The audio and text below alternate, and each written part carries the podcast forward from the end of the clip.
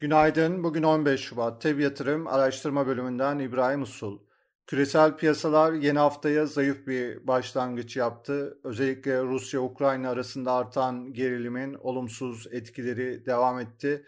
Bölgesel FED başkanlarından gelen şahin açıklamalarında yine hafta başında piyasalar üzerinde olumsuz etkileri vardı.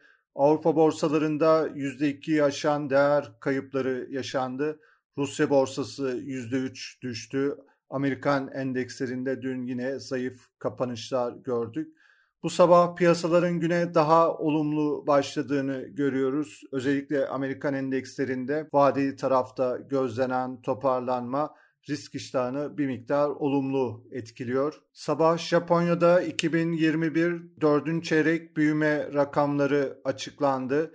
Beklentilerin bir miktar altında büyümenin kaldığını görüyoruz. Çin Merkez Bankası ekonomiyi desteklemek amacıyla piyasalara likitte sağlamaya devam ediyor. Bu sabah Asya tarafında Japonya dışında endeksler genelde yukarıda işlem görüyor. Avrupa borsalarında yine hafif yukarıda açılış yapması bekleniyor. Küresel tarafta bugün Amerika'da açıklanacak olan üfe rakamları önemli olacak. Ocak ayında Amerika'da üretici fiyatlarındaki artışın yıllık bazda %9.1 seviyesinde gerçekleşmesi bekleniyor. Bir önceki ay üretici fiyatlarındaki artış %9.7 gerçekleşmişti. Ayrıca jeopolitik konularda piyasaların takibinde olacak. Rusya-Ukrayna arasında artan gerilimin ortaya çıkardığı endişeler sürüyor. İçeride ise bilançoları izliyoruz. Perşembe günü para politikası kurulu toplanacak. Piyasada politika faizinde bir değişiklik beklentisi bulunmuyor. Borsa İstanbul'un dünkü satışlardan sonra bugün güne olumlu tarafta başlayacağını düşünüyoruz. BIST 100 endeksinde teknik bazda ana direnç ve kısa vadeli hedef olarak 2100 seviyesi takibimizde.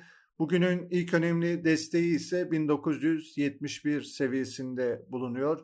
Hisse tarafında teknik olarak endekste toparlanma hareketi içinde banka hisselerinden Akbank ve Garanti Bankası'na bakılabilir. Banka dışı hisselerden ise Enka İnşaat, Kardemir'de Tekven Holding, Türk Hava Yolları hisselerini teknik olarak olumlu tarafta izliyoruz. Piyasaları değerlendirmeye devam edeceğiz. Teb yatırım olarak herkese iyi bir gün diliyoruz.